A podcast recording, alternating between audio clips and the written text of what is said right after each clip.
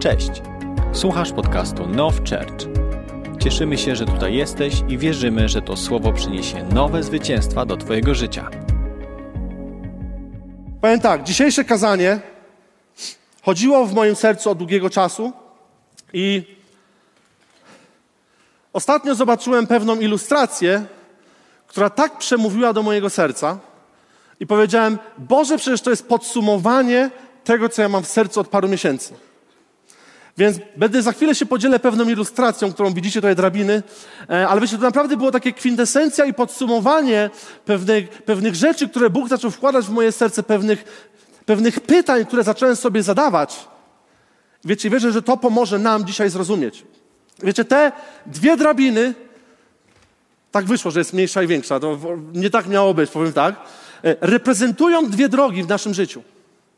Myślę, że dla, dla, nikogo to nie jest żadne jakieś nowe objawienie.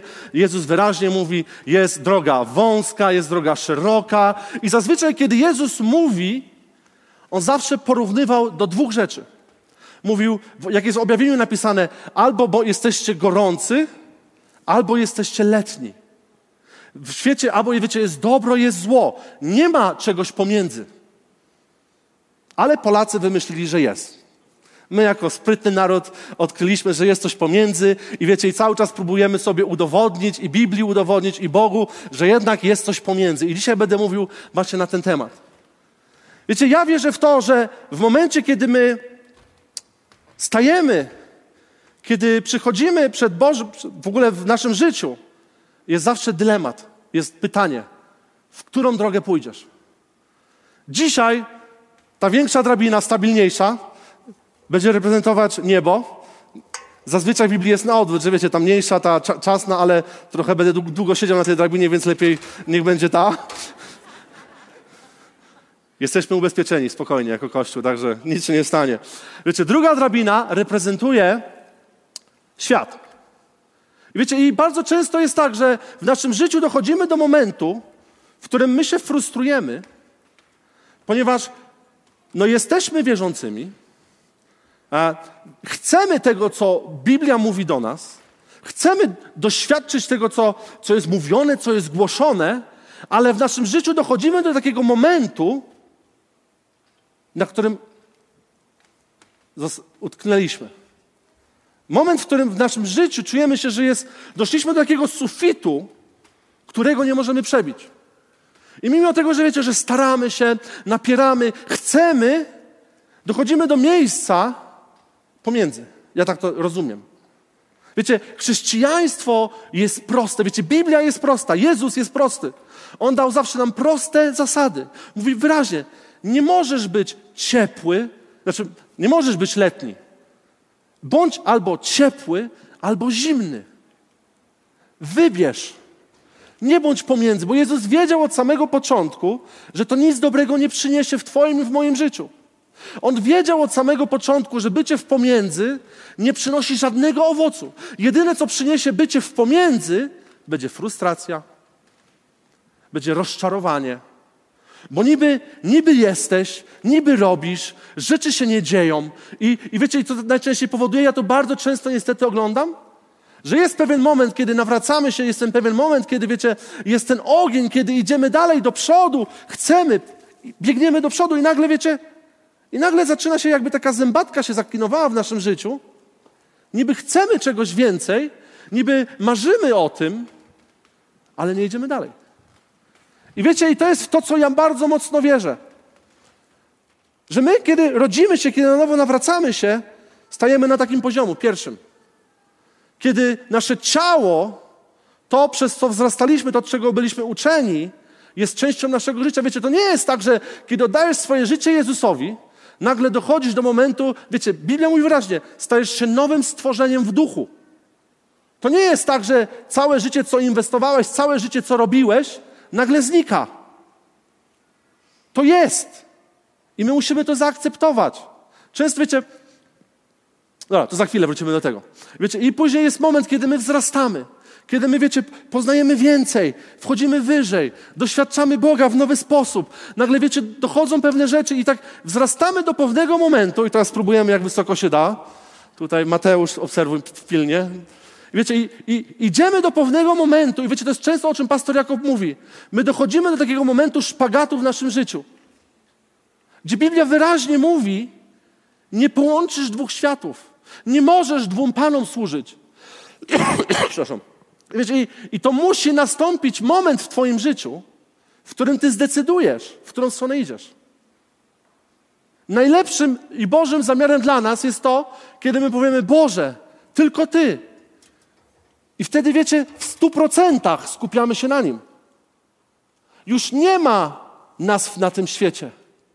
I wtedy dopiero możemy iść Wtedy dopiero możemy wchodzić. Wiecie, niesamowite jest to, że Biblia bardzo często porównuje spotkanie z Bogiem do miejsca wspinania się na górę. Wiecie, wiecie, że w Biblii nie ma przypadków? Wiecie, że to nie był nigdy przypadek, że Jezus najczęściej, kiedy szedł się spotkać z Ojcem, On albo szedł na, na, na ubocze, gdzie nikogo nie było, albo szedł na górę? W Starym Testamencie nawet nie chcę mówić, ile jest sytuacji i porównań. Kiedy, wiecie, Mojżesz wchodził na górę, kiedy on podejmował ten trud pójścia na górę, ale prawda jest taka, że nie wejdziesz na górę, jeżeli jedną nogą jesteś tu. Jest pewien limit, do którego możesz dojść. Jest pewien moment, jako ty wierzący, z dobrymi chęciami, który utożsamia się jako wierzący, nie pójdzie dalej do momentu, kiedy nie powie: Ja nie chcę już tego. Bo albo naprawdę zostań tu i nie oszukuj się, albo pójdź tu. Wiecie, i dzisiaj będę chciał o tym mówić. Często w naszym życiu jest tak, że my chcemy wielkich rzeczy, próbujemy doświadczyć Boga w nowy sposób, próbujemy odkryć to, kim On jest ale nasz system, w którym żyjemy, nie pozwala nam. Wiecie, jest bardzo takie piękne słowo, które pisze tak, w Mateusza 6 rozdział 24. Wiecie, i na tym chciałbym dzisiaj bazować to dzisiejsze nauczanie. Możemy otworzyć Mateusza 6 rozdział 24 werset. Nikt nie może dwóm panom służyć, nawet Polacy. Gdyż albo jednego będziesz miał w nienawiści, a drugiego będziesz miłował. Albo jednego trzymać się będziesz, a drugim pogardzisz. Nie możesz Bogu służyć i mamonie. Kto słyszał ten fragment? A kto się zastanawia nad nim? Ja czasami, przyznam się. Wiecie, dla mnie niesamowite jest to w tym słowie, że, że Bóg bardzo uprościł rzeczy dla nas. Wiecie, Jezus, On rozumiał, gdzie my żyjemy dzisiaj. Wiecie, ja naprawdę, kiedy zacząłem studiować, kiedy zacząłem zastanawiać się, kiedy zatrzymałem się nad tym fragmentem, kiedy zacząłem sobie zadawać przeróżne pytania. Wiecie, jakie było dla mnie moje pierwsze pytanie?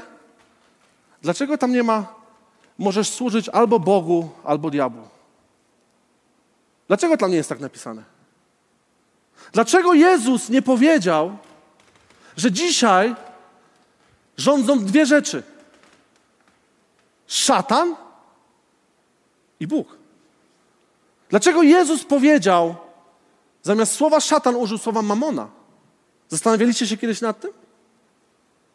Czy zadałeś sobie pytanie, dlaczego Jezus stwierdził, że o wiele ważniejszą rzeczą jest powiedzieć dla nas, że dzisiaj światem rządzi albo Bóg, albo mamona.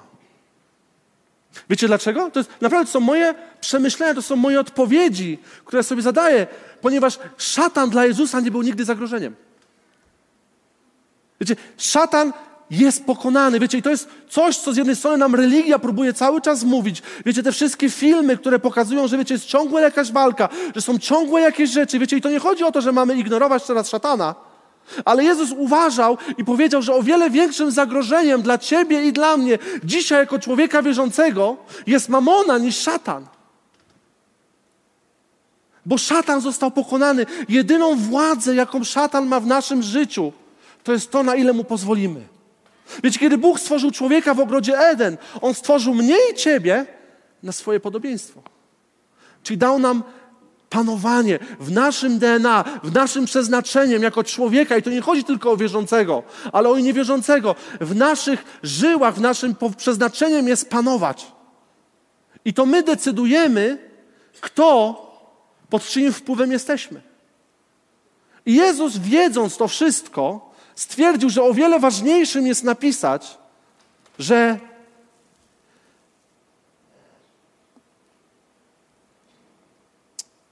że, że musisz wybrać, komu służysz. Czy służysz Bogu, czy mamonie. Czyż to nie jest ciekawe? Wiecie, my cały czas jesteśmy uczeni różnych rzeczy. I bardzo często jest tak, że my stawiamy sobie coś za pewniki w naszym życiu. Wiecie, to jest to, co ostatnio mówiłem na nauczaniu. Że naprawdę my jako chrześcijanie żylibyśmy inaczej. Nasze życie wyglądałoby całkowicie inaczej, gdybyśmy naprawdę czytali Biblię i stosowali to, co jest tam napisane. I podkładali nasze życie do tego, co jest napisane w Biblii. Bo wiecie, to jest Jezus, on znał cały system, w którym mieszkał. Wiecie, to nie był jakiś kosmita oderwany od rzeczywistości. On przez 30 lat żył na tej ziemi. On wiedział, jak wygląda, jak wygląda tamtejszy świat, jakie są tendencje, jaka jest polityka, jaka jest filozofia i, i tak dalej. I on to wszystko uprościł do dwóch rzeczy. Albo to jest z Boga, albo to jest z mamony. Czyli potocznie mówiąc, pieniądz. Ja to wiecie, chciałbym z, z, z, sprościć do pieniądza, bo za chwilę wyjaśnimy, czym jest mamona. Że dzisiaj w świecie rządzą dwie siły. Coś jest motywowane mamoną, czyli pieniądzem, wiecie, zyskiem, rozwijaniem się, ja, mój dobrobyt, moja wygoda. Albo coś w Twoim życiu jest kierowane Bogiem, że Bóg wpływa na Ciebie. Bo szatan ma taką władzę w Twoim życiu, na ile mu pozwolisz. On nie ma, on nie ma w swoim DNA panowania. Jedynie jak szatan może rządzić na tym świecie, to jest wtedy, kiedy człowiek mu na to pozwoli. Wiecie, to, to naprawdę są podstawy tego, co pisze Biblia, ale zarazem jest to dla nas taki jakiś kosmos, jest to takie coś, wiecie, co naprawdę zatrzymuje, podważa z jednej strony, dlatego ja was zachęcam, czytajmy Biblię. Poświęćmy czas na studiowaniu, poświęćmy czas na zadawaniu sobie pytań, sprawdzajmy wszystko, to, co jest głoszone, to, czego słuchamy, ale przede wszystkim w to, co wierzymy, czy to jest zgodne z Biblią. Bo naprawdę Jezus nie chciał nam skomplikować życia. Jezus chciał nam ułatwić pewne rzeczy i On, jak zawsze mówił w prawdopodobieństwach, On porównywał, pokazywał to w taki sposób, żebym ty i ja mógł zrozumieć to. Przepraszam.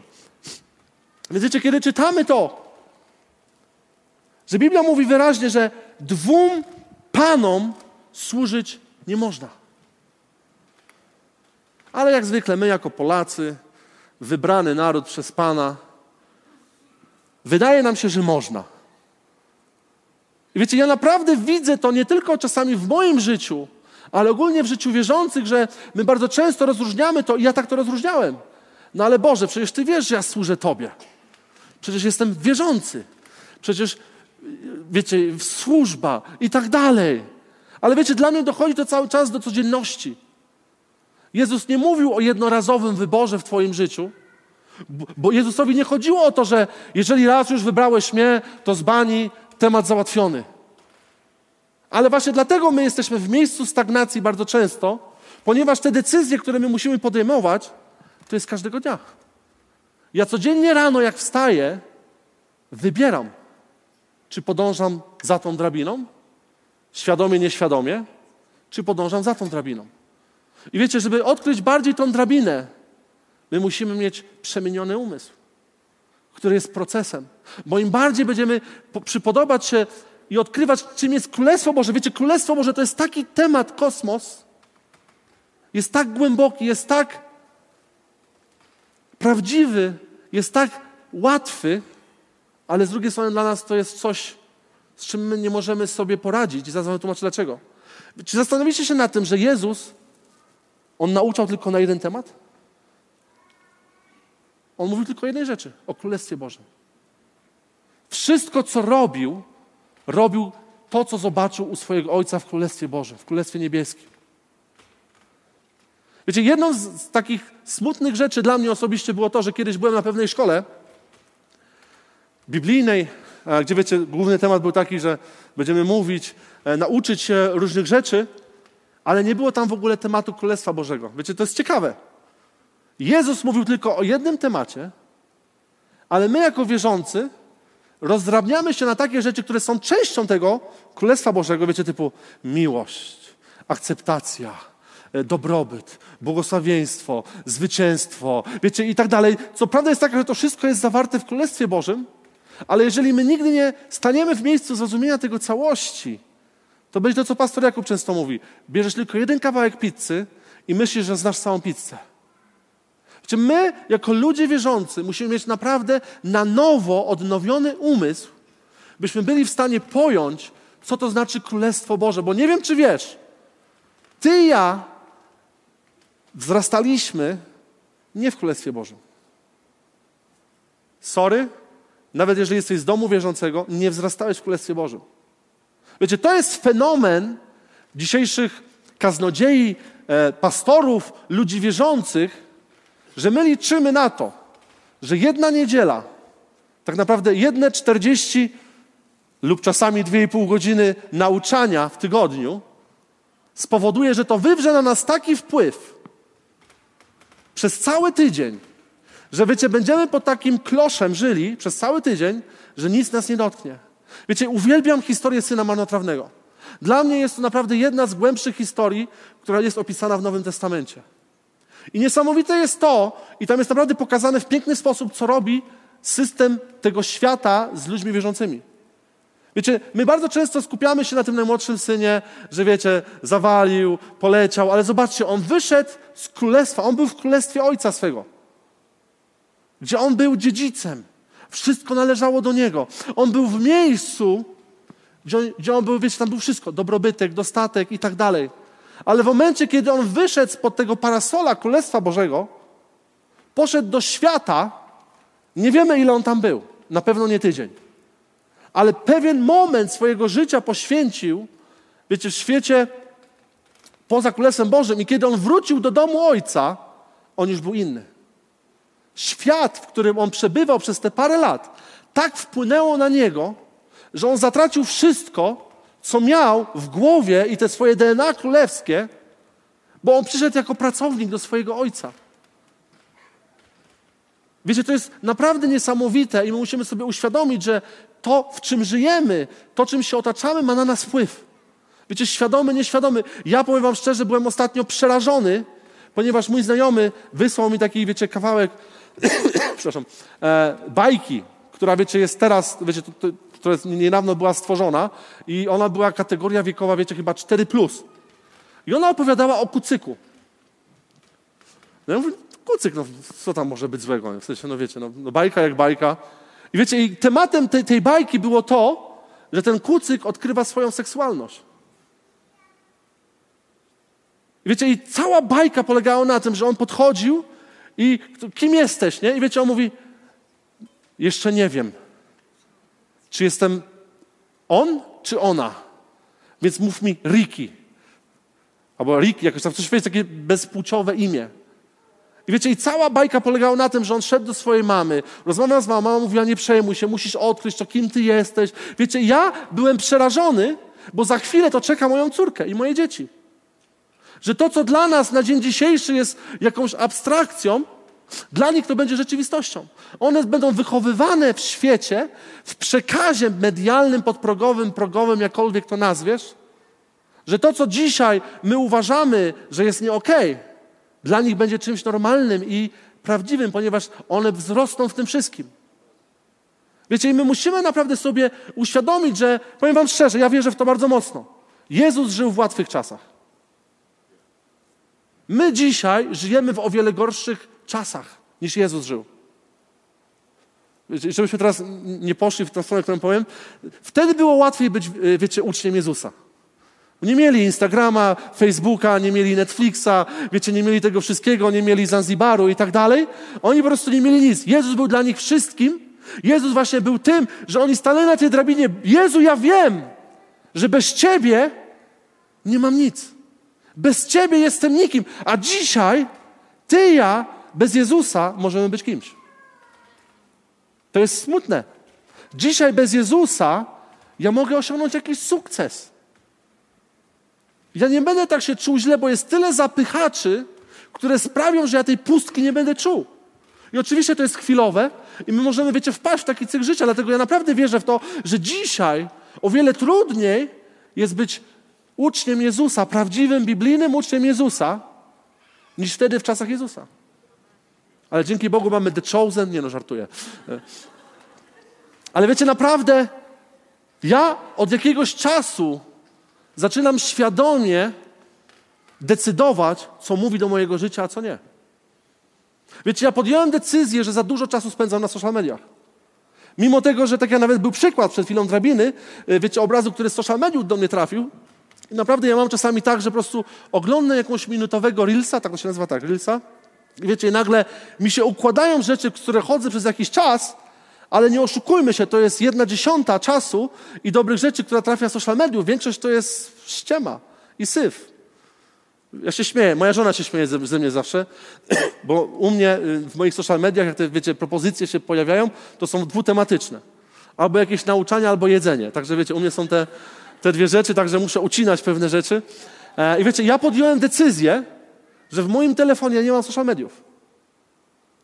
Że jedyne, kiedy ja wchodzę na social media, to jest mój świadomy czas ograniczony na komputerze. I czy jest łatwo? Nie. Bo dzisiaj większość ludzi posługuje się social mediami. Dzisiaj większość ludzi komunikuje się przez social media, ale ja wiem, że jeżeli ja nie zawalczę, i wiecie, i to nie chodzi teraz, wiecie, my musimy, o tak, panie, jak już pastor tak mówi, dobra, usuwajmy wszyscy social media, bądźmy jak uszczęśliwi. Ja nie mówię o tym. Ja mówię o tym, co było przeszkodą w moim życiu. Ja mówię o tym, co było tą moją nogą, która trzymała mnie cały czas tutaj. Że z jednej strony tą nogą chciałem iść wyżej, ale tutaj, i to akurat w moim przypadku polegało przez social media, ja ciągle trzymałem się tutaj z jednej strony tu chciałem, ale coś mnie trzymało. Ja nie mogłem pójść wyżej w niektórych tematach. Ja nie mogłem pójść głębiej. Bo wiecie, żeby pójść głębiej z Bogiem, to to wymaga całego zaangażowania w naszym życiu. Bo kiedy jesteś tutaj, tak jak ja, to myślisz o tej nodze. To nie jest tak, że Boże tutaj, ale z jednej strony czujesz, że jak przestaniesz skupiać się na tym, to może coś się wydarzyć. Dlatego Jezus mówi: umrzyj, podążaj za mną, bo wtedy, kiedy ja umieram dla tego świata, dla tych rzeczy, które są w świecie normalne, ja mogę w stu procentach poświęcić się temu. Ja mogę oddać całego siebie. I wiecie, ciekawe jest to,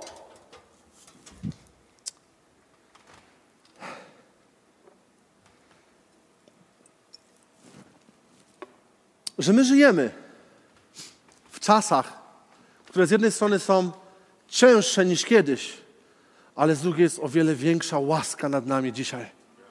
I wiecie, to jest niesamowite, że kiedy my będziemy, tak wiecie, skupiać się na Nim, kiedy będziemy oddawać całe nasze życie, kiedy będziemy poświęcać się Jemu, my zaczniemy odkrywać niesamowite rzeczy. I wiecie, ja wierzę w to, że to, co Biblia mówi, będziecie czynić większe rzeczy niż te, co były czynione, to jest dla nas ponieważ są cięższe czasy i to, co było w tamtych czasach działało, dzisiaj nie zadziała, ponieważ potrzeba większych rzeczy, żeby przebić się przez te wszystkie ciemności, przez to wszystko, co się dzieje na tym świecie. I my musimy dojść do miejsca oddania się i podążania za Bogiem w stu procentach. Wiecie, wybaczcie, że mówię cały czas wiecie, ale ja naprawdę uważam, że wy wszystko wiecie. Że wy jesteście, wiecie, mądrzy i wszystko wiecie naprawdę. A jest pewien człowiek, Niemiec. Niemcy to fajni ludzie, tak, tak żartobliwie. E, niemiecki teolog powiedział taką tezę, takie stwierdzenie. Jest to Dietrich Bonf Bonhoeffer. Tak, o, Bonhoeffer, niemiecko brzmi. Serce człowieka jest tak skonstruowane, że może przylgnąć tylko do jednej rzeczy. Nasze serce jest niepodzielne. Nie możesz oddać cze, swoje serce czemuś i czemuś też. Dlatego ja mojej żonie, jeszcze zanim została moją żoną, ja powiedziałem, wiecie, to, to nie są mądre rzeczy, które się mówi, e, kiedy chcesz się oświadczyć, ale ja powiedziałem mojej żonie, Noemi, nie zrozumie źle. Ja nigdy Ciebie nie pokocham. Dlatego mówię, to nie są mądre rzeczy, nie, nie polecam. Na szczęście, wiecie, to była mądra rzecz i Pan Jezus ukierował to i moja żona zrozumiała, o co mi chodzi.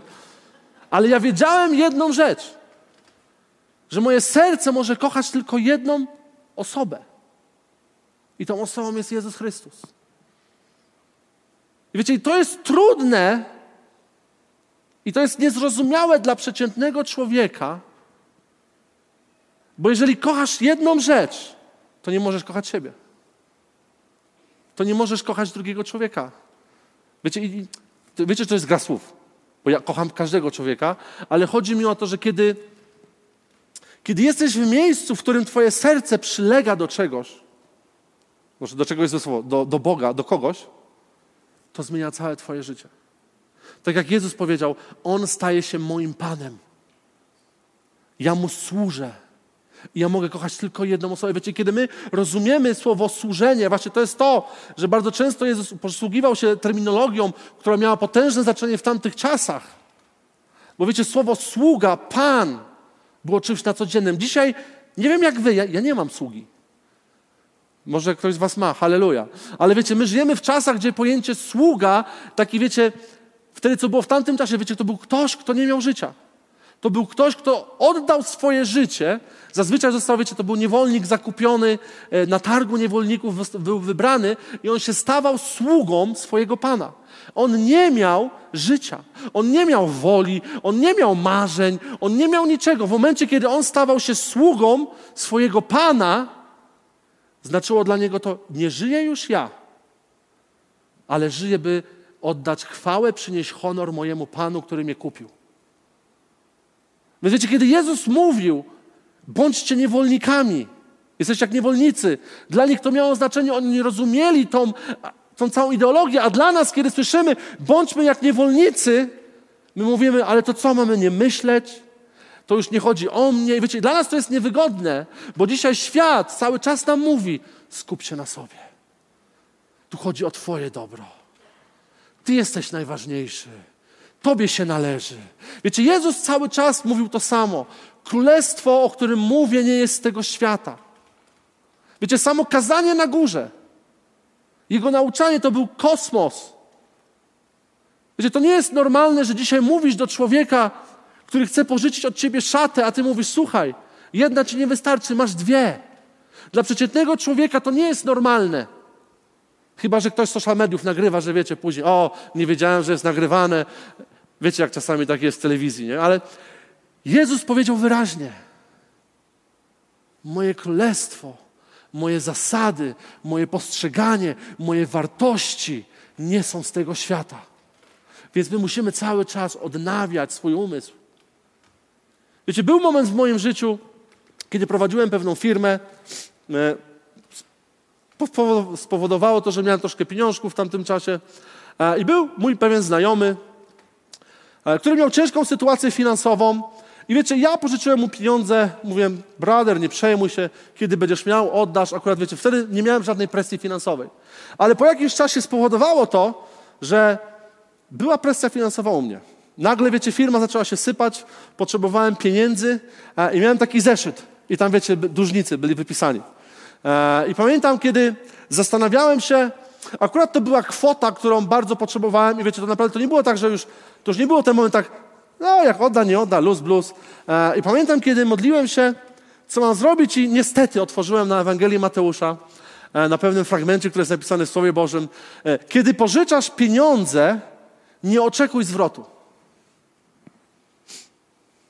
Spokojnie, to nie jest teologia, swoje, ale to jest Królestwo Boże. I ja pamiętam, kiedy siedziałem nad tym fragmentem i mówiłem, Boże,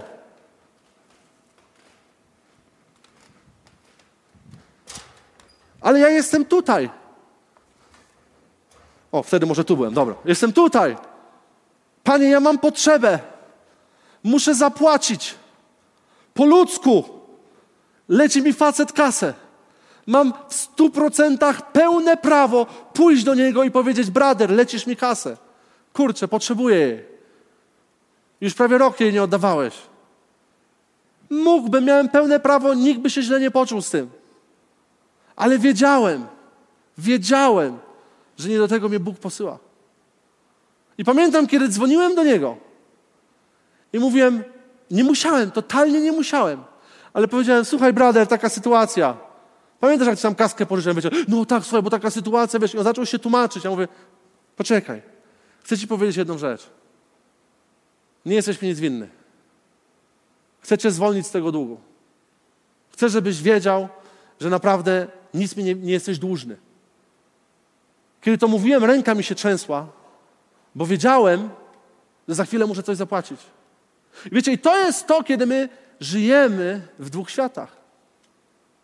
Bo wiecie, bo dzisiejszy świat mówi tak. Musimy pracować. Biblia też tak mówi, spokojnie. Kto nie pracuje, ten, ten nie je. Ale jeżeli ty budujesz swoje życie według systemu tego świata, to kiedy stracisz pracę, ci się wszystko zawali. Ponieważ ty budowałeś na pewności, właśnie na tym mamonie. Bo mamona dyktowała ci, co masz, co masz zrobić i tak dalej. Ale jeżeli żyjesz w systemie Bożym, który mówi pracujcie, żebyśmy nie poszli zaraz w drugą stronę, bo kto nie pracuje, niech nie je, ty wiesz, że jeżeli ta praca się skończy, ale jesteś tutaj, to wiesz, że twój sezon głoszenia słowa w tamtym miejscu się skończył. I Bóg otworzy coś nowego.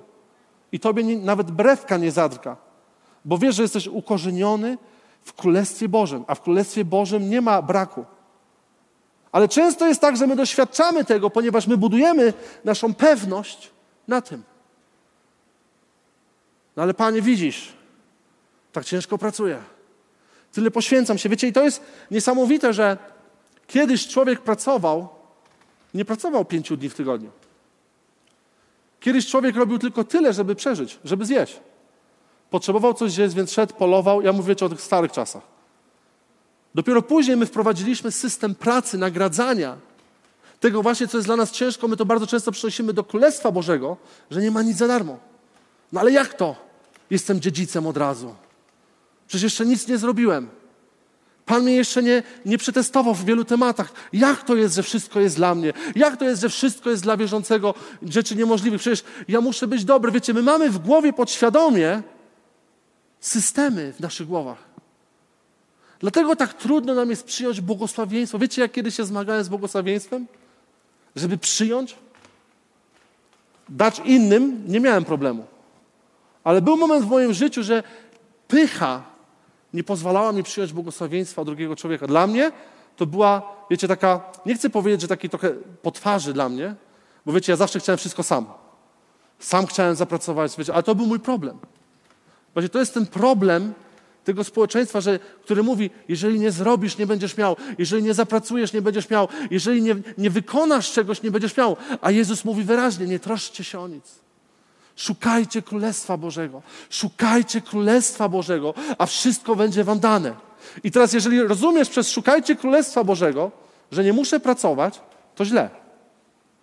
Ja wam powiem, mój tata jest, może potwierdzić, w momencie, kiedy się nawróciłem tak mocno, wróciłem z moich wojaży, ja pamiętam, przyjechałem do mojego taty, e, do mojego pastora taty e, i pamiętam, tato, pastorze, już nie, tato powiedziałem, dobra, mówię, tato, najlepszy moment dla kościoła w Siebodzicach.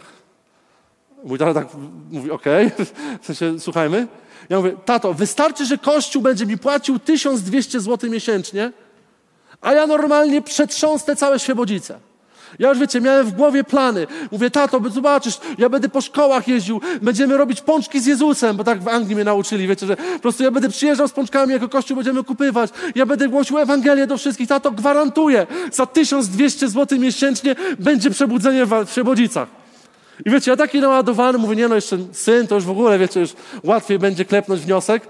E, ale mój tata powiedział takie zdanie. Synu mój, nawet jakbyśmy mieli pieniądze, nie zgodziłbym się. ja tak, ale tato, przebudzenie, świebodzice, tylko 1200 zł miesięcznie. Dobra, 1000 zł niech będzie. I wiecie, ja wtedy totalnie nie rozumiałem tego i mój tata powiedział jedną rzecz, którą po latach przyznaję mu 1000% racji. On powiedział tak, Dawid, jeżeli ja bym to zrobił dzisiaj, straciłbym syna i wiedziałbym, żebyś się pogubił. Ponieważ nie masz przemienionego charakteru. Nie masz dyscypliny w swoim życiu. I mój tata powiedział, ja paręnaście lat pracowałem na to, żeby być na etacie w kościele. Ja musiałem walczyć, żeby wstawać o czwartej, piątej rano, czytać Słowo Boże przed pracą, żeby być dzisiaj, gdzie tu jestem. A wiem, że kiedy ja bym dał ci ten, tą, wiecie, ten, ten bonus, że jesteś od razu, wiecie, no wstajesz i tylko się modlisz, nie przetrwałbyś długo. Byś wykoleił się, bo nie miałbyś charakteru, nie miałbyś, wiecie, tej dyscypliny, nie miałbyś tego, do czego Bóg nas zachęca, przemiany charakteru. I wiecie, ja na początku czułem się, że w moim życiu został włożony kij w szprychy, że tata nie rozeznał przebudzenia dla świebodzic, ale naprawdę jestem wdzięczny mojemu tacie za to.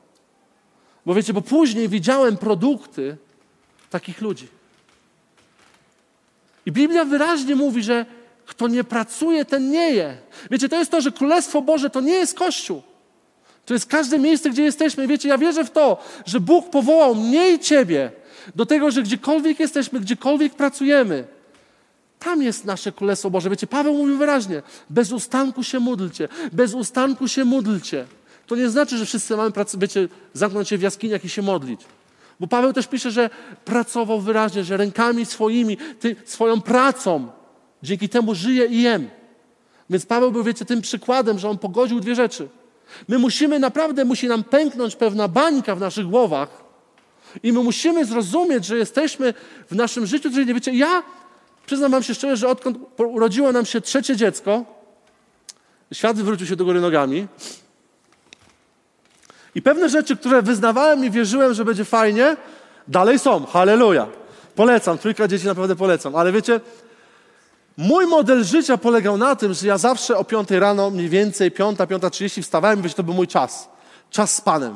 Po prostu dzieci śpią, żona śpi i ja naprawdę miałem, to był mój moment.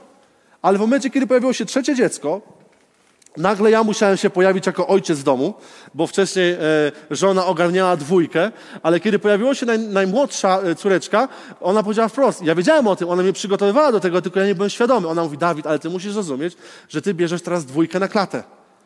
I wiecie, polegało to na tym, że teraz razem śpimy, ja z, dwójką dzieci śpię, e, co dwie godziny, półtorej pobudka, bo trzeba pampersa zmienić, to trzeba, wiecie, takie różne rzeczy. I najlepsze jest to, że Pan ich przygotowywuje już do służby, ponieważ one wstają o piątej rano. Także wiecie, albo po, po, potem zobaczyły u rodziców, jak to jest i stosują to w swoim życiu, ale mój świat się wywrócił do góry nogami, ponieważ została mi zabrana moja złota godzina, mój złoty czas z Panem na czas z cudownymi dziećmi o piątej rano. I wiecie, i nagle wszystko mi się wywróciło do, do góry nogami. Bo już nie jest tak, że wiecie, ja sobie chodzę, soaking leci w tle, a ja sobie czytam, rozkoszuję się, Panie, jaki jesteś dobry, jaki to będzie cudowny dzień. Zazwyczaj to są inne myśli z rana, kiedy dzieci wstają. Ale wiecie, ja zacząłem uczyć się, co to znaczy bez ustanku się modlcie. To nie znaczy, że wiecie, robisz dziecku śniadanie, tam siandara, bandera, bandera, bandera i tak lecisz. Ale wiecie, to zacząłem rozważać. Zacząłem myśleć ja już, wiecie, za, za, wy, wy, wy, wycofałem się z pędu tego życia. Ja zatrzymałem się, mimo tego, że teoretycznie mniej czasu spędzam, wiecie, w tej komorze, w zamknięciu, ale mój codzienność z Bogiem zmieniła się. To zaczęło stać się bardziej namacalne. To ja zacząłem nagle odkrywać, że mimo tego, że jest mniej czasu, ja zaczynam odkrywać głębsze rzeczy niż wcześniej. Ja nagle zobaczyłem, że po prostu przez to, że y, bujając dziecko jedno, ja nagle myślę o jakimś fragmencie, który gdzieś tam niedawno czytałem. Ja zaczynam rozmyślać i oczywiście jestem obecny, to nie jest tak, że wiecie, jak robot chodzę gdzieś tam, e, ale wiecie, naprawdę, albo podczas jazdy, podczas jakichś rzeczy, nagle wiecie, jakaś jedna myśl się pojawia, nagle wiecie, coś zaczyna, tak się mówi, głębia przyzywa głębie, nagle jedno jakieś rozważanie na jakiś temat otwiera pytanie do kolejnego i nagle już ty się nakręcasz, już lecisz w tym, że ja czasami mam tak, że ja nawet spać już nie umiem. Mimo tego, że jestem już tak przemęczony, leżę w łóżku, ale ja myślę. Ja rozważam, ja rozkoszuję to słowo Pana. Ja wierzę, że do tego nas Pan powołał, ale to się nie wydarzy, kiedy Ty nie zaczniesz stosować tego w swoim życiu. Wiecie, jest taki pewien fragment w Biblii, który naprawdę bardzo mocno mnie rozwala.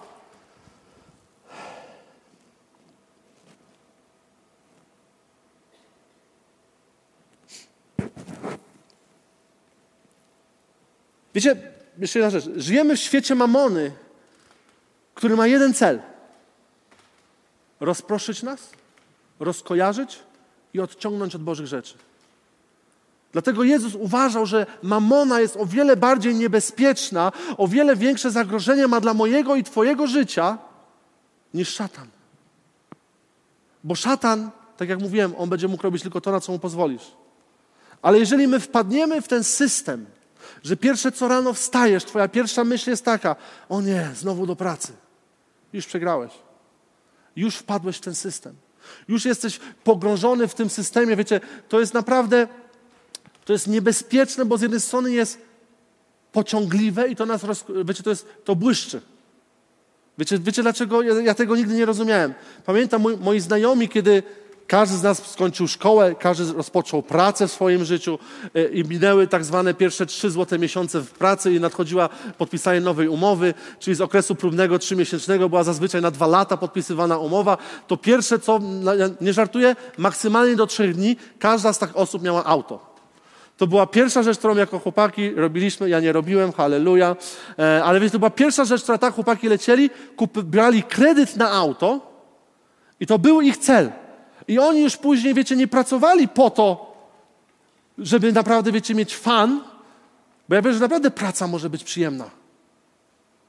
Ale pracowali na to, żeby zapłacić za rachunki. Jeżeli ty jesteś w miejscu, że robisz rzeczy po to, by żyć, Przegrałeś walkę z tym systemem.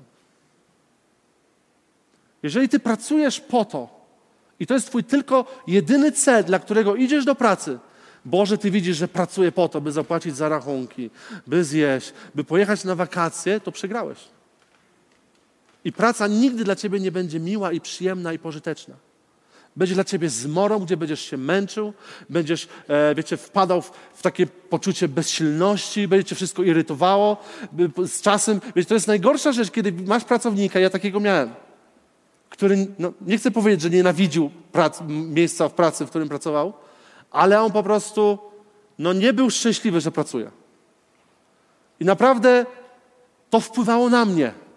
Ja widząc jego twarz, jak wykonywał pracę, naprawdę chciałem mu powiedzieć, proszę iść do domu. On umierał i przez to, że on umierał, wszyscy wokół niego umierali. Ale co innego, kiedy ty idziesz do pracy, nie dlatego, żeby zarobić, ale po to, by szerzyć Królestwo Boże. Po to, by być tym światłem nadziei. Że kiedy wstajesz rano, mówi, Boże, idę do pracy, użyj mnie, użyj mnie. Użyj mnie. Niech będę odpowiedzią dla kogoś. Boże, postaw kogoś w mojej pracy, kto nie ma nadziei. Boże, pozwól mi być nadzieją dla tego człowieka. Pozwól mi być odpowiedzią. Wtedy inaczej się pracuje.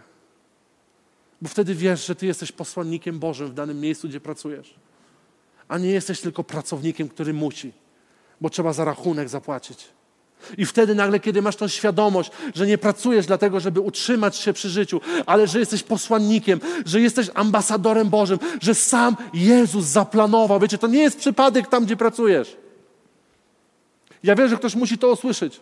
To nie jest przypadek, że pracujesz tam, gdzie dzisiaj pracujesz. Może modlisz się, Boże, zabierz mnie. Ja nie chcę już tego. Ja nie chcę tam pracować, ale chcę Ci powiedzieć, Jezus celowo Cię tam umieścił, byś wykonał pewną robotę. I zmiana miejsca nastąpi, kiedy zmienisz swoje serce do tego miejsca. Bo Bóg chce Cię błogosławić, ale najpierw Ty musisz stać się błogosławieństwem dla miejsca, w którym jesteś. Wiecie, chrześcijaństwo, życie z Bogiem jest proste. Jarzmo moje jest lekkie i przyjemne. Wiecie, jarzmo samo w sobie nie jest, to nie, to nie jest coś, co się powinno kojarzyć z czymś miłym. Jarzmo to jest praca, to jest orka. Ale mimo tego Jezus mówi: praca i orka dla mnie jest miła i przyjemna. Zastanów się, w jakim systemie dzisiaj żyjesz. Zastanów się, co się dzisiaj napędza. Zastanów się, dlaczego robisz niektóre rzeczy. Wiecie, ja wierzę, że naprawdę przychodzi wolność w momencie, kiedy ja sobie uświadamiam. Boże, ja inaczej patrzę na moją pracę teraz. Ja inaczej patrzę na moją rodzinę. To już nie jest dla mnie piąta y, kolumna uwozu, czy jak się nazywa, piąte koło uwozu, przepraszam. Ale to jest błogosławieństwo, które mnie postawiłeś.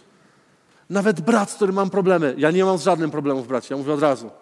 Żeby ktoś, wiecie, później sobie nie myślał. Ale nie mam siostry, więc muszę powiedzieć o bratach. Albo wiecie, mój kuzyn, czy ciocia, czy babcia, to już nie jest ktoś, kto chce mi uprzykrzyć życie, ale to jest ktoś, kto potrzebuje Jezusa i Bóg mnie ustanowił, zaplanował, zanim ja się w ogóle urodziłem. On już zaplanował w swoim idealnym planie, że dzisiaj będziesz w tym kościele, że dzisiaj będziesz pracował tam, gdzie pracujesz. Bo jest ktoś, kto czeka na to, żeby światło Boże zamanifestowało się przez Ciebie. I wiecie, jest. Mateusza 5:8. Wiecie, błogosławieni czystego serca, albowiem oni Boga oglądać będą. Wiecie, ja wierzę w to, że być czystego serca. Co to znaczy? Czy ktoś się zastanawiał, ja wiem, że wszyscy się zastanawialiśmy, więc nie podnośmy rąk, ale czy zastanawiałeś się, co to znaczy być czystego serca? I dlaczego Jezus powiedział, tylko ludzie czystego serca Boga oglądać będą? Kto chce Boga oglądać?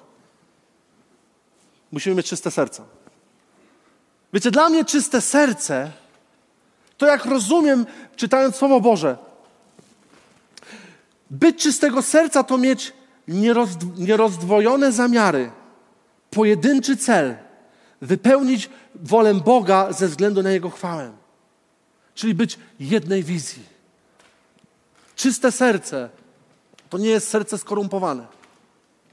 To nie jest serce, którego zawładnięte jest chciwością czy chęć zysku, ale czyste serce to jest takie, które jest ukierunkowane tylko na Bogu.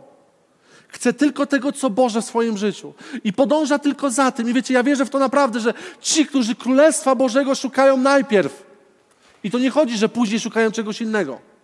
Ale jeżeli Biblia mówi o tym, że bądźcie ludźmi jednej wizji, bądźcie ludźmi jednej miłości, bądźcie ludźmi jednego celu w swoim życiu, niech tym celem będzie manifestacja Królestwa Bożego, niech tym celem będzie to, by Bóg objawił się przez Ciebie.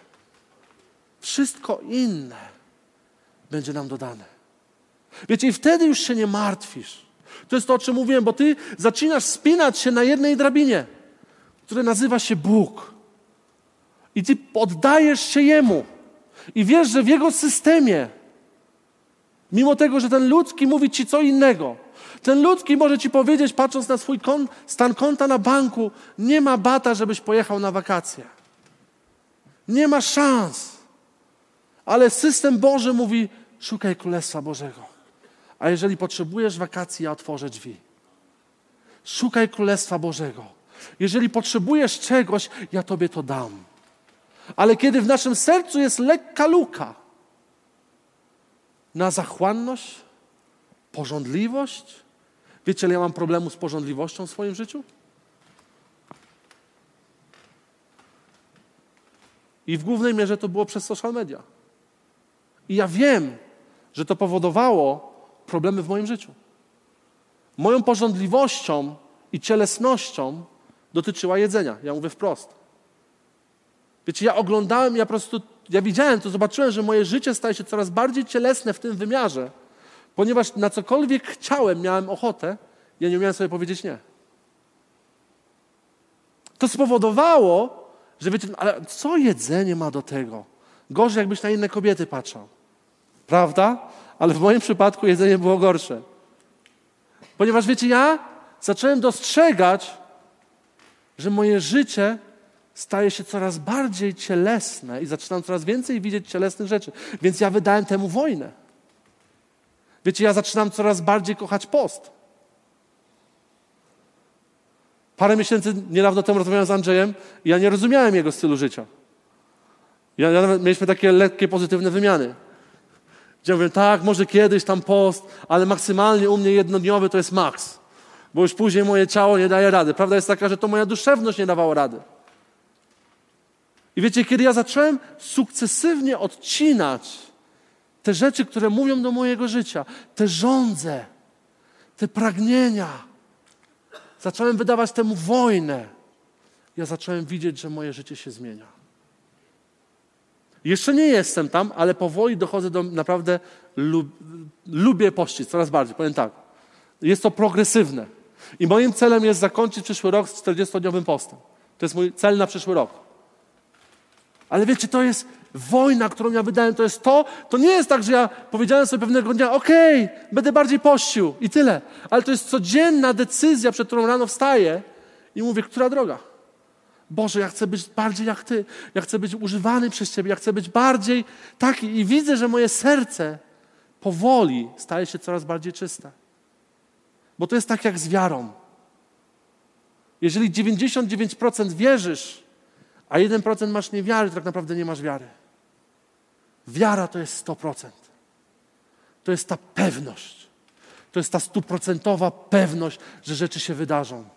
To nie jest 99, że się wydarzy, a jeden może, bo to już nie jest wiara. I tak samo jest z Bogiem. Całym sercem. Pełne serce jest tylko skierowane na Niego. I wiecie, możecie zapytać się mojej żony, że to nie znaczy, że u nas w domu jest patologia, ja tylko Boga kocham, ale naprawdę jest mi dobrze między nami. Moja żona czuje się kochana, ja też czuję się kochany. Ale to nie jest priorytet w naszym życiu. Wiem, że to jest może trudno to zrozumieć, ale moim priorytetem nie jest to, żeby żona czuła się kochana, bo ja wiem, że ja tego jej nie dam. Jestem człowiekiem. Ja mogę tylko imitować miłość. Jedyną osobą, która może dać prawdziwą miłość mojej żonie jest Bóg. I to nie znaczy, że ja teraz, o, nie czujesz się kochana, idź do Boga, niech On to naprawi, bo ja też naprawdę mam uczucia do mojej żony. To nie jest tak, słuchajcie, żebyśmy dobrze zrozumieli, to nie jest, że jestem robotem i nie mam uczuć do mojej rodziny i tak dalej, bo ja oddałbym życie za moją, za moją rodzinę. Okej, okay, ja lubię żartować. Powiem taki żart. Ostatnio słyszałem taki bardzo fajny żart i mi się bardzo spodobał. Pewien aktor opowiadał właśnie, jak to życie się zmienia, jak są pewne etapy. I on powiedział tak, że kiedy ożenił się ze swoją żoną, on powiedział tak, ja bym życie oddał za moją żonę. Ja bym przyjął kulkę za moją żonę. Ale wiecie, jest taki moment, kiedy pojawiają się dzieci. I teraz ja bym moją żonę postawił, żeby kulę przyjęła, żeby mógł ochronić dzieci. Okej, okay, tylko ja tak rozumiem, taki czarny humor mam, no dobrze. Ale wiecie, ja wierzę w to, że naprawdę pewne rzeczy zmieniają się w naszym życiu. Słuchajcie, jestem człowiekiem. Mam czarny humor, czasami, zdarza się.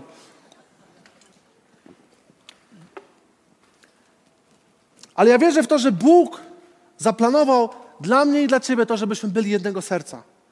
Żebyśmy byli nierozdwojeni, bo najgorsze, co może w Twoim życiu się stać, kiedy jesteś rozdwojony. Ponieważ pod koniec dnia nie możesz mieć dwóch rzeczy. Nie możesz mieć Boga i tego świata. Pod koniec dnia, kiedy leżysz w łóżku, musisz sobie zadać pytanie – jak dzisiaj podejmowałem decyzję? Co kierowało moim sercem dzisiaj? Czy znowu byłem w szpagacie? Trochę tutaj, trochę tam? Czy może byłem w stu procentach skupiony na Nim? I wiecie, to jest piękne, bo kiedy ja szukam Boga, kiedy ja się skupiam na Nim, moja żona widzi po mnie. I to jest to, co pastor Jakub ostatnio mówił. Że pastor Sara wie, kiedy pastor Jakub spotkał się z Bogiem, czy nie. I tak to działa, że kiedy my się spotykamy z Bogiem, kiedy moja żona i ja się spotyka z Bogiem, to wpływa na wszystko. A jeżeli my się nie spotykamy z Bogiem, to naprawdę lepiej. Nieważne. Powiem tak.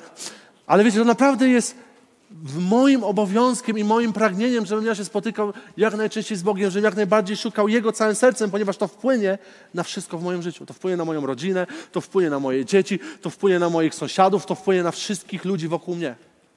Ale kiedy ja będę żył w szpagacie, to czasami wpłynie, czasami nie.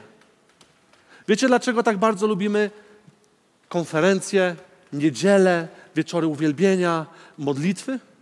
Wiecie dlaczego? Bo zazwyczaj w taki dzień więcej poświęcasz czasu Bogu i czujesz się dobrze. Ale w poniedziałek, kiedy już nie ma spotkania modlitewnego, nie ma już tego, że wiecie, jest łatwiej, bo wszyscy razem się zgromadzamy, ale jest tylko Ty i Bóg. I to, co robisz w ukryciu. Ale żeby, wiecie, być w tym miejscu, to my musimy zacząć umierać dla samego siebie. Musimy być w miejscu, gdzie mówimy nie rządzą tego świata. Gdzie wyautowywujemy się z tego systemu. Dlatego ja tak bardzo naprawdę studiuję ostatnio. To jest temat, który bardzo spędza sen z moich powiek, to jest życie modlitewne Jezusa. Styl życia Jezusa. Jak Jezus to robił. Wiecie, to jest, to naprawdę to rozwaliło mi ostatnio system i ja zrozumiałem, że ja się nie umiem modlić. Bo kiedy Jezus przyszedł po modlitwie, kiedy On modlił się, kiedy zstąpił na dół, kiedy uczniowie Go zobaczyli, oni powiedzieli tylko jedną rzecz. Naucz nas tak się modlić. Czyli było coś takiego w życiu modlitewnym Jezusa. Było coś takiego w systemie, w jakim On się modlił, w sposób, w jaki Jezus się modlił, że kiedy On przyszedł do normalnego człowieka, kiedy On go zobaczył, ja wiem, że tam, wiecie, naprawdę była transformacja i fizyczna w życiu Jezusa. On powiedział, uczniowie powiedzieli tak, wow, naucz nas modlić się. Pokaż nam, jak się modlić, bo to, co my się modlimy, nie działa. Bo to, jak my robimy, nie działa. I wiecie, i to jest coś, co ja staram się robić ostatnio. Ja widzę, że coraz więcej rzeczy, które wydawało mi się, że działają, nie działają. I ja zadaję Bogu pytanie, naucz mnie. Naucz mnie, jak modlić się. Naucz mnie, jak uwielbiać. Naucz mnie, jak czytać Słowo Boże. Naucz mnie, jak dotkrywać Ciebie. Naucz mnie, jak studiować Słowo Boże. Bo ja chcę, że kiedy ludzie będą mnie widzieć, oni zobaczą to, co robię i powiedzą tak jak Jezus, ja chcę, żebyś nas nauczył tego. My chcemy to, bo widzimy, że to działa w Twoim życiu. I moje pytanie jest takie, czy ludzie w Twoim pracy, w Twoim otoczeniu, patrząc na Twoje życie, powiedzą, ja chcę tak jak Ty, czy nie? Wiecie, to są pytania trudne, które Ty i ja muszę sobie zadać. Czy moi ludzie, którzy nie znają Jezusa w moim otoczeniu, kiedy ja przychodzę obok nich, kiedy ja jestem obok nich, oni robią tak jak uczniowie. Wow, ja chcę tego. Ja chcę tego. Wiecie, mogą być mega zwolnienia w Twojej pracy. Może być wid, może Cię zaraz wywalą z pracy, ale Twoi znajomi w pracy patrzą na Ciebie i widzą, że Ty masz uśmiech. Widzą, że się, wiecie, że to nie chodzi o to, że aha, zwolnią mnie taki, wiecie, nie chodzi mi o taki głupi uśmiech, ale widzą, że jest w Tobie pokój, że nie ma w tobie zachwiania. Wiecie, ja wiele razy to widziałem. Kiedy padało hasło na zakładzie czy w jakimkolwiek firmie, że będą zwolnienia, bo są cięcia, firma inaczej wygląda. Tu już nikt nie myśli o pracy, tylko kto to będzie? Może Krysia, może ja. Kurczę, może słyszałeś coś. Słuchaj, bo ty tam masz znajomości w kadrach. Wiesz, tam, wiecie. I to jest, cały zakład żyje czymś takim. I jedyne, co widać po ludziach tam, to jest panika. Bo nagle ktoś wie, że zawali się czyjś system. Ale ja wierzę w to, że my jako ludzie wierzący powinniśmy być tymi właśnie osobami, które świecą. Gdzie ludzie popatrzą i powiedzą, ale jak ty tak? Dlaczego nie panikujesz? Co ty masz jakąś lepszą robotę na boku już? Znalazłeś sobie coś? A ty powiesz, nie muszę. Bo mam pewność w tym, który mnie umacnia każdego dnia. Mam pewność w tym, że jeżeli coś się zakończy, to on ma coś lepszego dla mnie. Widocznie mój czas się skończył tutaj.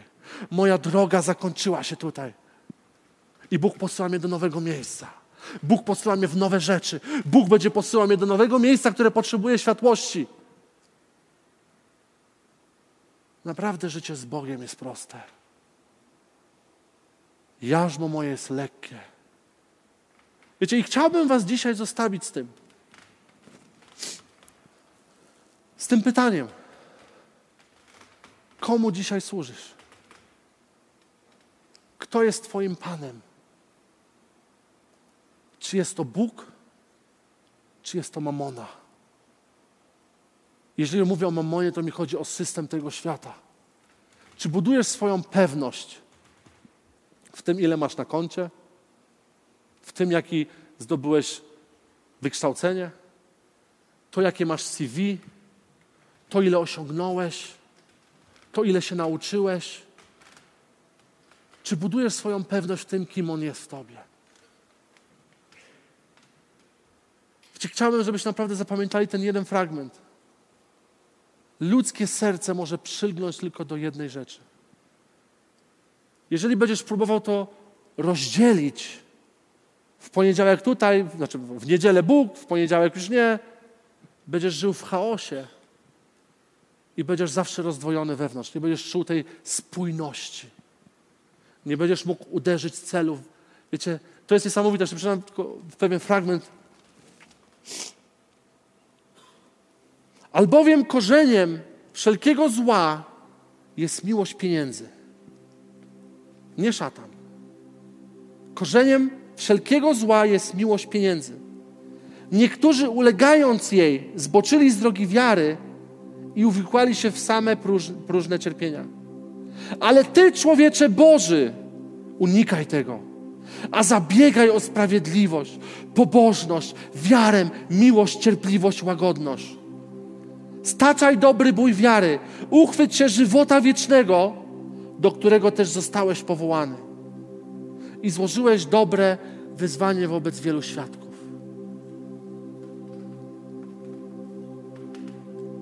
Dlatego ja osobiście uwielbiam moment ofiary.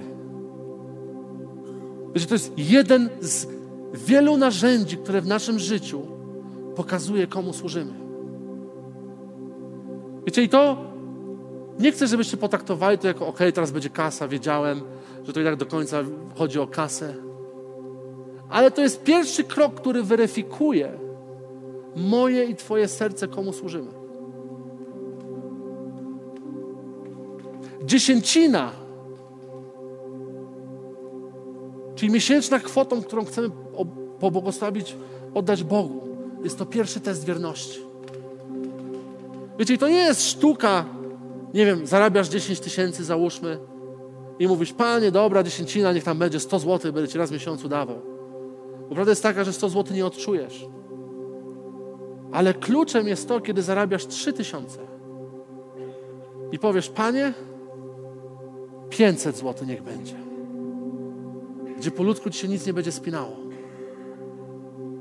I wiecie, najgorszy jest pierwszy miesiąc. Bo dajesz i umierasz.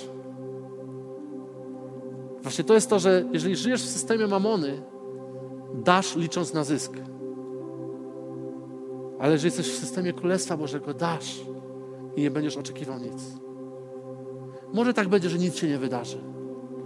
Może będzie tak, że nie staniesz za miesiąc w kościele, powiesz, kochani, cudowne świadectwo.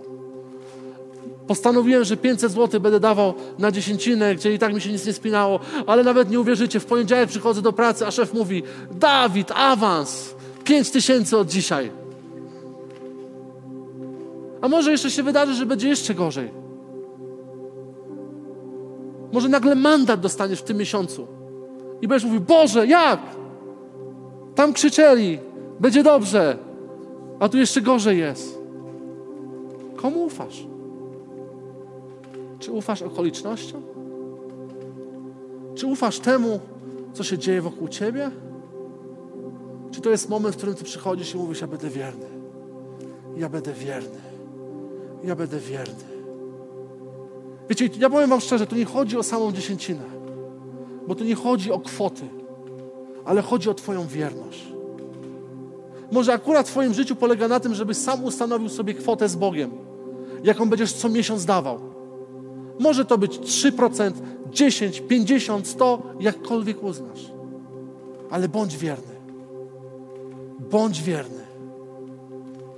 Bądź wierny. I gwarantuję Ci, że po roku, tak jak jest napisane w Biblii, skosztuj i zobacz, jak dobry jest Bóg. Bo Jego wierność jest wielka. Wiecie, my nie pójdziemy wyżej, jeżeli rzeczy, które w naszym życiu trzymają nas, nie umrą. Finanse to jedno. Może chodzi o Twoje dobre imię. Może tak wiele lat pracowałeś na to, żeby być poważaną osobą. Może całe życie poświęciłeś edukacji, żeby być doktorem. Wiecie, powiem Wam jedno świadectwo, które zmiotło mnie z życia, zmiotło mnie z powierzchni ziemi w mojej głowie. Był pewien młody kaznodzieja w Azji. Wiecie, to była to było pokolenia kaznodziei. I on powiedział tak, wiecie, jak go spotkałem, on miał, wtedy miał 30 lat. I on powiedział tak, ja kiedy miałem 25 lat, ja, ma, ja miałem swój Yy, czekaj, czekaj, jak zespół wysłał, jak to się nazywa? Yy, przed przyjazdem, że to są wymagania zespołu. Jak? Rider, tak, to się rider, że są, on, żeby go zaprosić, w wieku 25 lat, posłuchajcie tego. On miał swój rider, czyli wymagania. Minimum 10 tysięcy ludzi, bo on był takiej klasy światowej pitcherem. Hotel naj, naj, górna półka, sam, latać tylko pierwszą klasą. I on żył w takim otoczeniu. I pamiętam, kiedy on opowiadał, wiecie, on siedział w pewnym hotelu i Bóg mu zadał pytanie. Bracie, nie będę mówił imienia, jak myślisz, wywierasz wpływ na świat czy nie? I on, no oczywiście. Co tydzień mówię do minimum 10 tysięcy ludzi. Ludzie mnie słuchają. Mega wpływ mam. Wiecie, on tak zaczął sobie sam odpowiadać. I Bóg mu zadał jeszcze raz samo pytanie. Jak myślisz, czy masz wpływ na dzisiejszy świat? No już zrozumiał o co chodzi powoli, w którą stronę idzie. Więc jak trzeci raz usłyszał to pytanie, to już wiedział o co chodzi. I mówi, Boże, nie mam. Mi się wydaje, że mam. Wiecie, i on zaczął zadawać sobie pytanie. I Bóg mu powiedział, mówi tak, ja przygotowałem dla ciebie drogę. I on zrezygnował ze służby publicznej. Zrobił ogłoszenie w swoich social mediach, kochani, rezygnuję. Bóg położył mi w sercu pracę z dziećmi. Chcę otworzyć szkołę. Słuchajcie, kto chce i chce mi pomóc, słuchajcie, jutro robimy spotkanie o 18. Przyjdźcie, wierzę, że będzie, będziemy budować coś wielkiego. Przyszło pięć osób. Najstarsza miała 20 lat, najmłodsza 14. Dla niego był to przeskok z biznes klasy do okręgówki. I pamiętam, kiedy on opowiadał historię, kiedy on rozmawiał z tymi ludźmi i powiedział: Słuchajcie, kto lubi śpiewać pod prysznicem? I tam jakaś dziewczyna się zgłosiła, mówi: Ty jesteś liderem uwielbienia od dzisiaj. Kto lubi robić zdjęcia? Jesteś social media. Wiecie, i on, i on powołał tych, powołał duże słowa, ale wiecie, tych pięciu osób. On powiedział, w ciągu czterech lat on ma wpływ na 100 tysięcy dzieciaków. On założył około 40 szkół. I on powiedział tak, i dla mnie niesamowite jest to, że ja zrozumiałem, że to jest mój prawdziwy wpływ. Że my czynimy dzieciaki uczniami Jezusa. Oni, wiecie, spotykają się o czwartej rano, modlą się cztery godziny na językach, modlą się. I wiecie, on powiedział tak, i dla mnie najlepsze jest to, że ludzie, którzy budują te szkoły, to są wolontariusze, którzy byli dyrektorami banków, byli ordynatorami w szpitalach, lekarzami, prawnicy.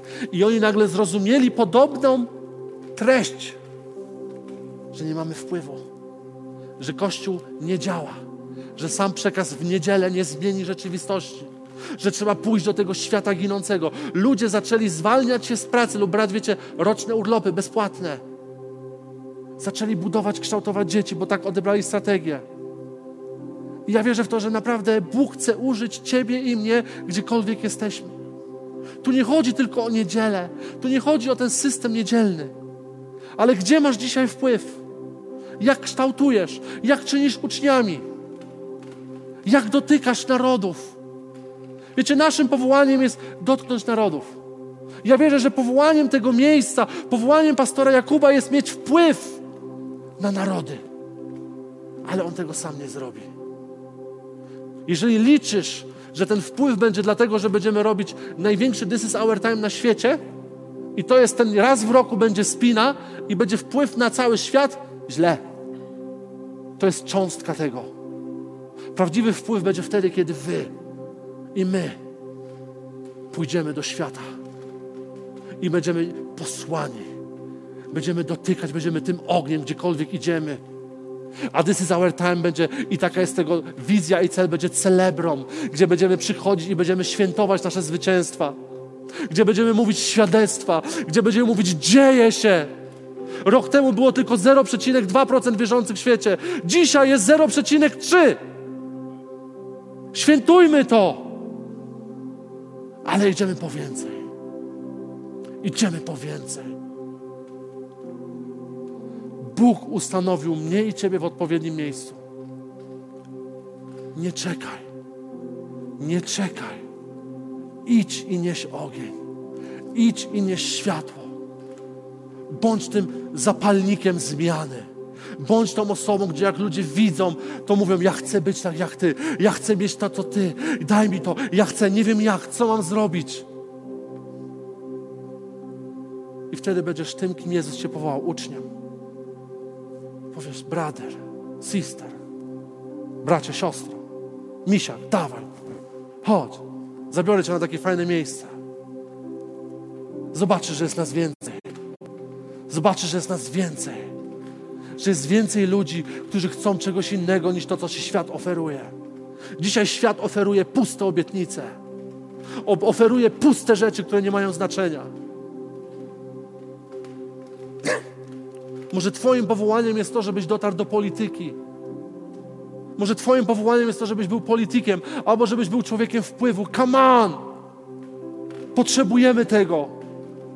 Jak ma się świat zmienić? Jak ma się Polska zmienić? Bo jeżeli nic nie zrobimy jako Kościół, Polska za chwilę przestanie istnieć. Zostanie zawładnięta przez to, co nadchodzi. Modlitwy same nie wystarczą. Są potrzebne i są fundamentem. Ale Ty i ja musimy rozeznać, do czego Bóg mnie powołał, co jest moim powołaniem. Może Twoim powołaniem jest trząs światem biznesu. Przeciętny wierzący nie dotrze do człowieka na, na szczycie, w hierarchii tej, wiecie, najbogatszych ludzi. Może Twoim powołaniem jest być właśnie w tej setce najbogatszych Polaków, by tam siać spustoszenie. Wiecie, gdzie jest najwięcej depresji dzisiaj? W tym świecie właśnie. W tym, o którym wszyscy tak marzą. Celebrity, to wszystko. To jest dno i pół metra mułu tam. Coraz więcej ludzi popełnia samobójstw. Coraz więcej ludzi odbiera sobie życie, bo nie umieją sobie poradzić z tym, co tam się dzieje. Kto ma do nich dotrzeć?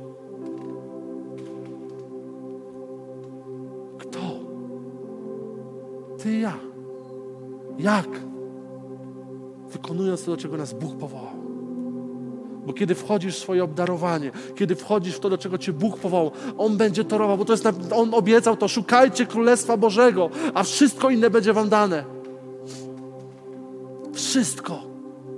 Kiedy jesteś podpięty i robisz Boże rzeczy. Jeżeli, uwierzcie mi, jeżeli jesteś powołany do biznesu i Pan Cię powołał do biznesu, jeżeli będziesz szukał Królestwa Bożego i słuchał Jego głosu i reagował radykalnie na to, co On Ci mówi, Pan utoruje Tobie drogę. Ale jeżeli nie jesteś powołany, a bawisz się w biznes, lepiej przestań. Szkoda czasu. Odkryj, do czego jesteś powołany. Odkryj, jaka jest Twoja rola. Ja marzę, żeby w kościołach było coraz więcej, wiecie, lekarzy, prawników, biznesmenów. Bo to jest taka przestrzeń w Polsce niezagospodarowana, gdzie ludzie potrzebują usłyszeć Jezusa. Że my musimy dotrzeć do każdej dziedziny, do każdej struktury społeczeństwa. Pastorzy tego nie zrobią. Naszą rolą nie jest wykonywać służbę. Bo jeżeli tak, to byśmy mieli lipę. To po co kościoły? To pastorzy będą chodzić i głosić. Naszą rolą jest rozeznać, jakie jest powołanie nad Mateuszem, nad Tymkiem, Natalią, Andrzejem, nad Natalią i popchnąć was w tą stronę. Powiedzieć: idź, wierzymy w Ciebie. Wierzymy w Ciebie zanieś Ewangelię tam. Dotrzyj tam. Dotrzyj tam, gdzie ja nie mogę. Zrób to, czego my nie możemy. Zacznij działać. Niech te żywe wody zaczną wypływać z Ciebie. Kochani, zamknijmy swoje oczy.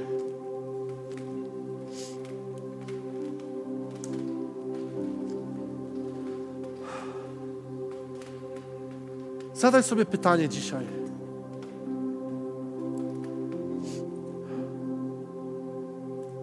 Komu służysz?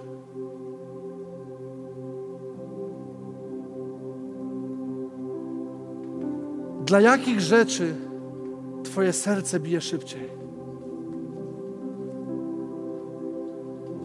O jakich rzeczach myślisz, zanim pójdziesz spać? Jakie rzeczy są pierwsze w Twojej głowie po przebudzeniu?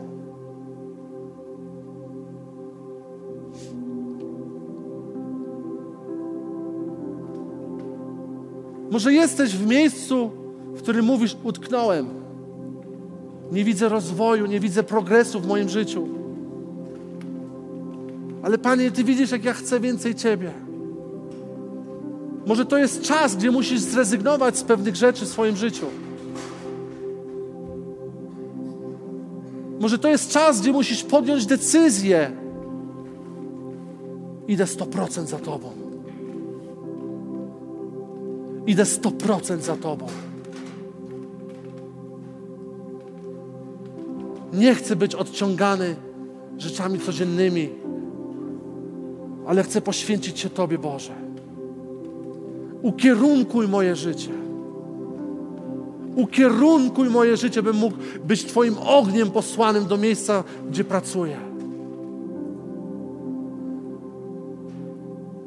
Ja chcę iść za Tobą, Panie. Ja chcę iść w stu procentach za Tobą. Miejmy teraz taki moment odpowiedzi na, na te pytania.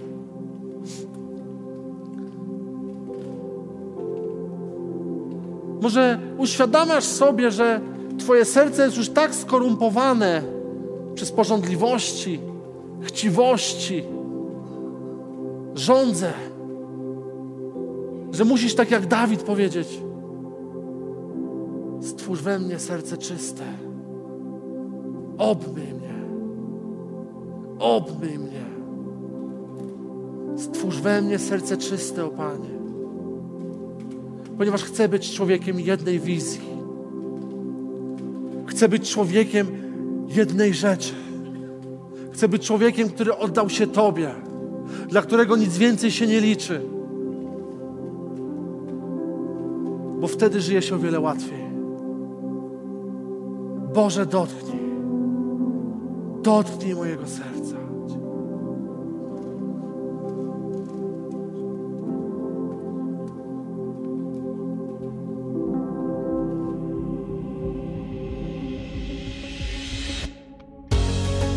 Dziękujemy, że byłeś z nami.